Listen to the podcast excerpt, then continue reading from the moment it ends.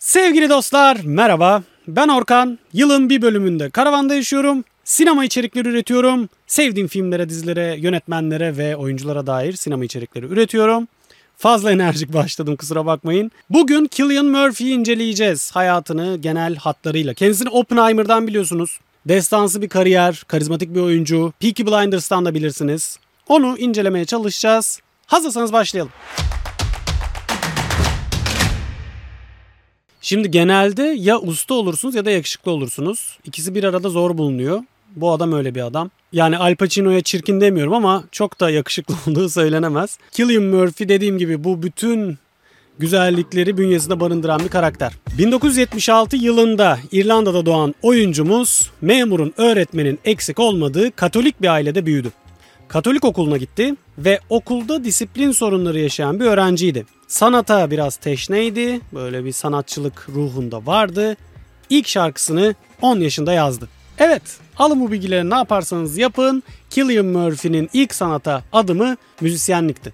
Küçük yaştan itibaren de sanatsal faaliyetlerin içinde yer almaya başladı. Ortaokul yıllarında ilk sahne deneyimini yaşamıştı. Deyim yerinde ise zehri almıştı. Ve o dönemki hocası Killian'daki yeteneği keşfetmişti ve gel yavrum seni oyuncu yapalım demişti. O da ortamlarda hayatı boyunca bu olayla hava atmıştır diye düşünüyorum. Fakat az önce dediğim gibi küçük Killian rockstar olma peşindeydi. Oyuncu olmak istemiyordu ilk başlarda. Ve kardeşiyle birlikte grupları vardı. Şarkı söylüyordu, gitar çalıyordu. Abi müzik ya işte bu ya falan diye takılıyordu. Ergendi o zamanlar. Çok atılgandı. Böyle dalgasını geçtiğine de bakmayın. Bayağı albüm çıkaracak noktaya geldiler. Kardeşinin okulu olduğu için bir de plak şirketi bunlara çok küçük bir para teklif ettiği için o iş olmadı. Sonradan bu konuyla ilgili de soru sormuşlar kendisine. Hayatımı bir müzik yapımcısına satmam bekleniyordu. Bunu yapmadım, bunu yapmadığım için de pişman değilim demiş. Şık. Çok yani çok karizma. Hep karizmatik. Bir de o e, galalara falan katılıyor ya ben de saçımı bugün onun için güzel yapmaya çalıştım. galalara falan katılıyor ya inanılmaz böyle st- stil yani işte. Devam. Ve üniversitede hukuk bölümü kazandı. İkinci çinko. Ama bunda da gönlü yoktu. Daha ikinci sınıfta daha ikinci ilk mi? Daha ilk yılından sınıfta kalmıştı. Takip eden yıllarda hukuk okumak salakçaydı diyecek. E, hazırlıkta aslında şey yapsa onun tekrarı olurdu. Bitirme sınavına girseydim hiç bilmiyordum. Bu arada Cillian Murphy şeyde olsa, Türkiye'de olsa koroya katılan, hukukçular korosuna katılan avukat olabilirdi. Bizde çok zor yani sanatçı olmak. Devam. Daha ilk yılında sınıfta kalmıştı ve daha sonra bu soru sorulduğunda hukuk okumak salakçaydı diyecekti. Oyuncumuz müzisyenliği, oyunculuğu, performans sanatlarını bu ortamları seviyordu. Ama şöyle bir mahkeme salonunda cübbeli bir Oo. Murphy de Adaleti, sağlardı hocam. kartları dağıtırdı yani. Şey değil mi? Dava oluyor böyle. Bilmem ne savunması. Tamam gerek kalmadı. Cillian Murphy kazandı. Kazandı falan. Üniversitenin tiyatro topluluğunda çalışmalara başlamıştı. Ama derdi sanat yapmak değildi. Partiydi, ortamdı, kısacası kızların peşindeydim diye anlattığı bir dönemdi bu. 20 yaşındayken yolu özel tiyatrolardan biriyle kesişti. Bilinen bir topluluktu bu. Yönetmenle tanışmıştı, kendisine hayran kalmıştı. Kendi deyimiyle mens crush yaşamıştı, adama bayılmıştı yani. Bu yönetmenle ilgili gördüğüm en cool adam diyor. Tiyatronun seçmelerine girdi ve kazandı. Oynadığı oyun Kanada'yı Avrupa'yı her tarafları gezince bu turne 2 yıl sürünce ve Killian bu ortamlarda parlayınca işin rengi değişti. Tiyatrodan arkadaşları onda bir orijinallik olduğunu farkındaydı. 20'li yaşların ortalarına doğru çeşitli tiyatro oyunlarında ve televizyon projelerinde yer aldı. Az önce bahsettiğim o turne yapan oyunu çok beğenilmiş, dizisi yapılmıştı ve orada da oynadı. Araştırmak isteyenler için de oyunun ismi Discopix. Yani oyuncumuz ilk fark edilmesini yaşamıştı. 2001'de artık ben bu işin merkezine taşınmalıyım diyordu. Bizim ülkemizde de İstanbul'a taşınmaktır bu. Dublin'den Londra'ya taşındı. Şimdi İngiltere dünyada tiyatronun merkezi desem mi bilmiyorum. Büyük laflar etmek istemiyorum.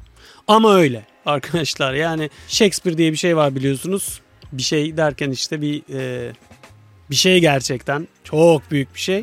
Ve dünyadaki birçok tiyatro, e, sinema filmi ondan etkilenmiş. Cillian Murphy de bu ortamın içindeydi. O büyük tiyatro kültürünün içindeydi. Shakespeare'in, Marlowe'un bunda payı çok büyük tabii ama bir yandan bu yazarların ünlü olmasının bir sebebi var. Aynı şekilde müzik de İngiltere'den çıkar. en bilindik efsane müzik grupları İngilizdir. Yani dünyada ekonomi alanında çok ciddi bir dominasyonları olduğu için de bu böyle diyebilirsiniz. Sömürgelerden dolayı da olabilir bilmiyorum. Herkes İngilizce konuşuyor dünyada. Ama tabii öyle ya da böyle bunun hakkını da vermeden geçmeyelim. İngiltere'den çok ciddi tiyatro, sinema, müzik özellikle bunlar fışkırıyor yani. Pink Floyd, Beatles, Daniel Day-Lewis bunların hepsi aynı ülkeden çıkıyorsa bir saygı duymamız lazım hocam. Neyse biz konumuza dönelim. Killian Murphy yazarın yönetmenin böyle sel olup aktığı o ortamlarda konuşulmaya başlanmıştı. Pişt! Lan! Susun oğlum ya. İşte karavancılık böyle bir şey. Ve 2002'de ilk büyük rolünü aldı. Büyük derken dünyaya açıldı, piyasaya çıktı.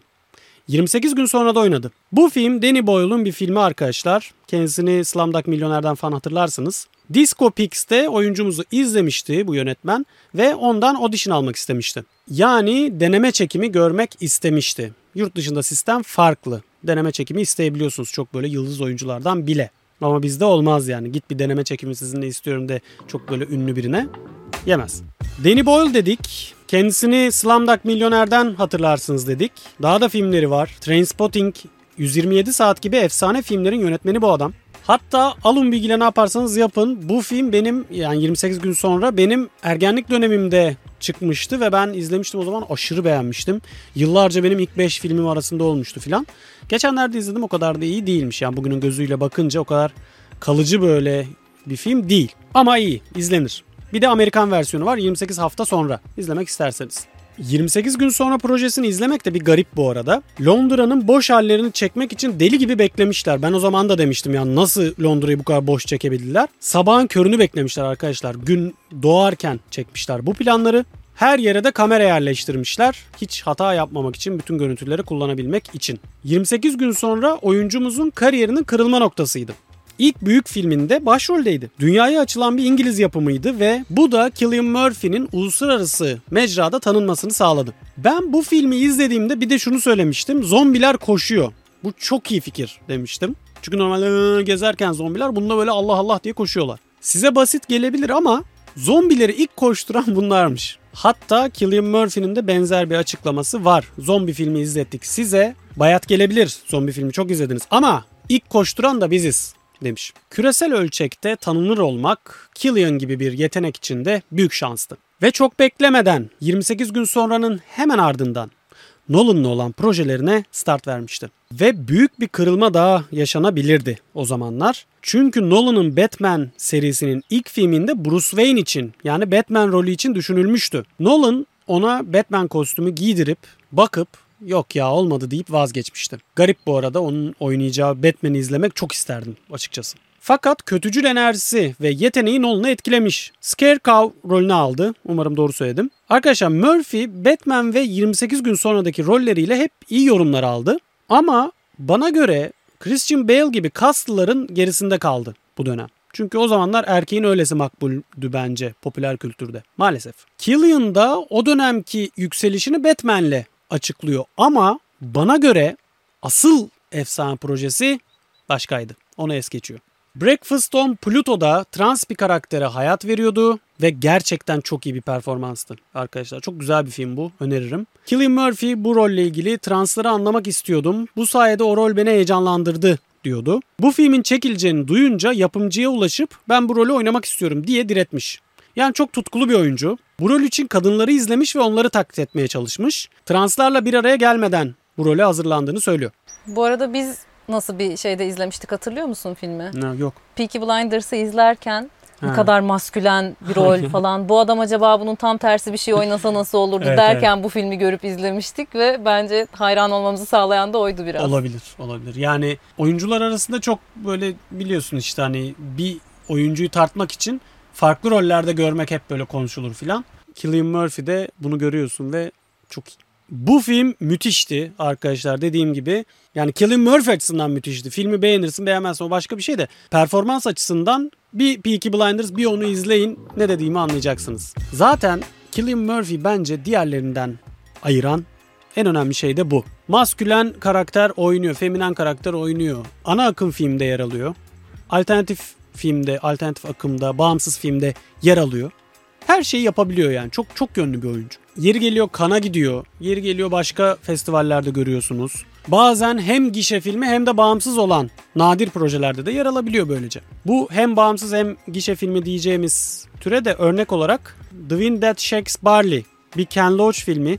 Ken Loach çok sevdiğim bir yönetmen. Hatta Meleklerin Payı diye bir filmi vardır. Çok tavsiye ederim. E, neyse biz Cillian Murphy'li filmine dönelim. Bu film İrlanda bağımsızlık mücadelesini anlatıyordu ve gişede de yapımcısını üzmedi.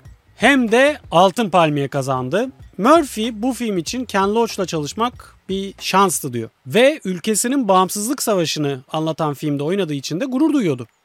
Devam. Killian'ın kariyeri gayet iyi gidiyordu. Fakat bu adamın şanssızlığı, tabii ne kadar şanssız o şanssızsa biz neyiz dersiniz belki bilmiyorum da. Bu adamın şanssızlığı biraz o kaslıların gerisinde kalmasıydı. Artık İrlandalı olmasına mı yoralım ya da herkesle sosyalleşmeyen, sanatsal tarafı ağır basan bir adam olmasından mı dem vuralım bilmiyorum.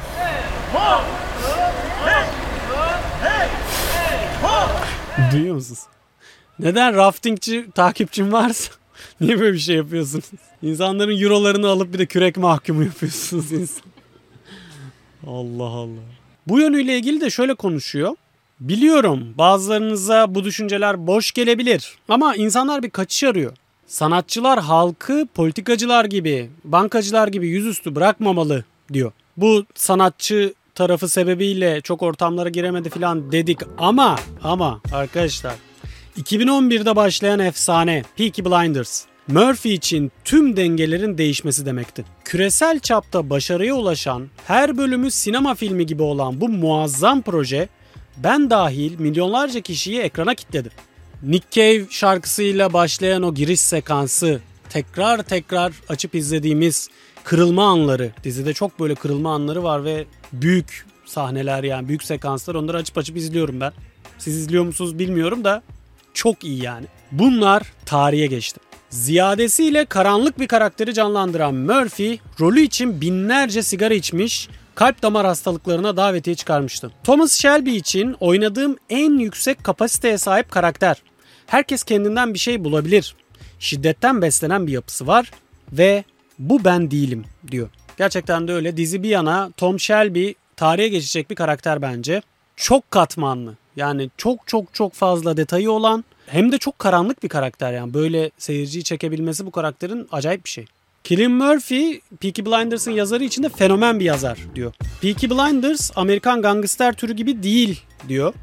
Göçmenlerin İtalyanların hayatını anlatmıyor. Bir sanayi merkezi olan Birmingham'da lokal çingenelerin hayatını anlatıyor ve İngiliz dizisi açısından da görülmemiş bir olay diyor. Diziyi izleyenler için bir hatırlayalım. Ses tasarımında sürekli arkada çalışan bir fabrika, ağır sanayi görebilirsiniz. Cillian Murphy de bunu hep anlatıyor ve gerçekten bu açıdan çok garip bir dizi. İyi bir dizi. Valla biz de yazanlara özellikle helal olsun diyoruz. Çekenler de çok güzel çekmiş. Lafı uzatmayacağım. Cillian Murphy artık bir efsaneydi arkadaşlar.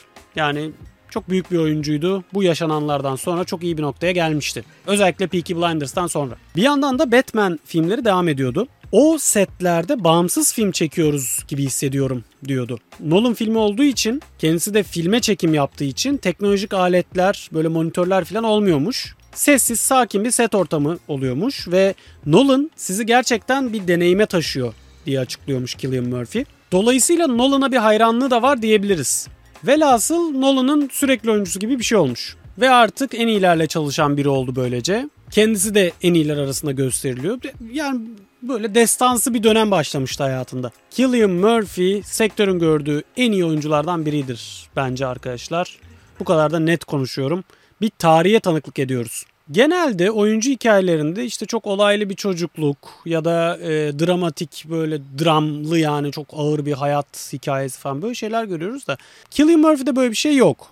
Cillian Murphy de bunu söylüyor ve diyor ki yani illa böyle bir şey olması gerekmiyor. İnsan içinde tutuyor bu ateşi diyor. Ve bu kadar film kariyerinin yanında tiyatroda da çok iyi işler yapmaya devam etti. Benim oyuncuların hayatına çok merakım var. Genelde de gördüğüm bir şey var. Bu noktada onu söyleyeceğim. Yani oyuncu ayrı, sanatçı ayrı şey arkadaşlar. İyi bir oyuncu olabilirsiniz. Taklit yeteneğiniz vardır. Temsil yeteneğiniz vardır. Ama sanatçı olmak başka bir şey. Bu adam hem oyuncu hem sanatçı. Tiyatrodan ayrıldığı, geri döndüğü filan dönemlerde oldu. 2012'de geri dönmüş. Yani Al Pacino gibi mi desem, Daniel Day-Lewis gibi mi desem böyle ikisi arası karışık çok Orijinal bir karakter. Cillian Murphy'nin hayatıyla ilgili eklemek istedikleriniz varsa, benim söylediklerime katılmıyorsanız ya da yanlış olduğunu düşünüyorsanız düzeltmelerinizi her şeyi yorumlara bekliyorum. Nefret, elitizm olmayan yorumları da sabitleyeceğim. Ve Cillian Murphy ile ilgili daha ileride de bölümler yapmak isterim. Çünkü Nolan'ın başrolü oldu. Oppenheimer'da izledik artık biliyorsunuz. Oppenheimer bu arada herhangi bir film değil. Oraya da girmek lazım. Bir gün umarım bölümünü yaparım. Pandemi sonrası en büyük sinema olaylarından biri yaşandı dünyada ve Cillian Murphy burada başroldeydi. Atom bombasıyla ilgili Hiroşima'da yaşananları ele alacak bir Amerikan filmi, onların gözünden olanları anlatacak bir Amerikan filmi tabii ki yapılmayacak. Bunu biliyorum. Ya da yapılmışsa bile bir tane olur, iki tane olur. Ee, günah çıkarma gibi bir şey olur. Atom bombası hikayesini Amerikalıların anlatması ve bununla bunun üstünde hala para kazanmaları çok ayıp bence. Oppenheimer'ı izlemedim. Ben karavanda olduğum için sinemaya gitmek çok zor. Ama eminim iyi oynamıştır. Eminim bu performansların arkası da gelecektir. Hepinize selamlar saygılar. Umarım bizden de Cillian Murphy gibi oyuncular çıkar. Görüşürüz.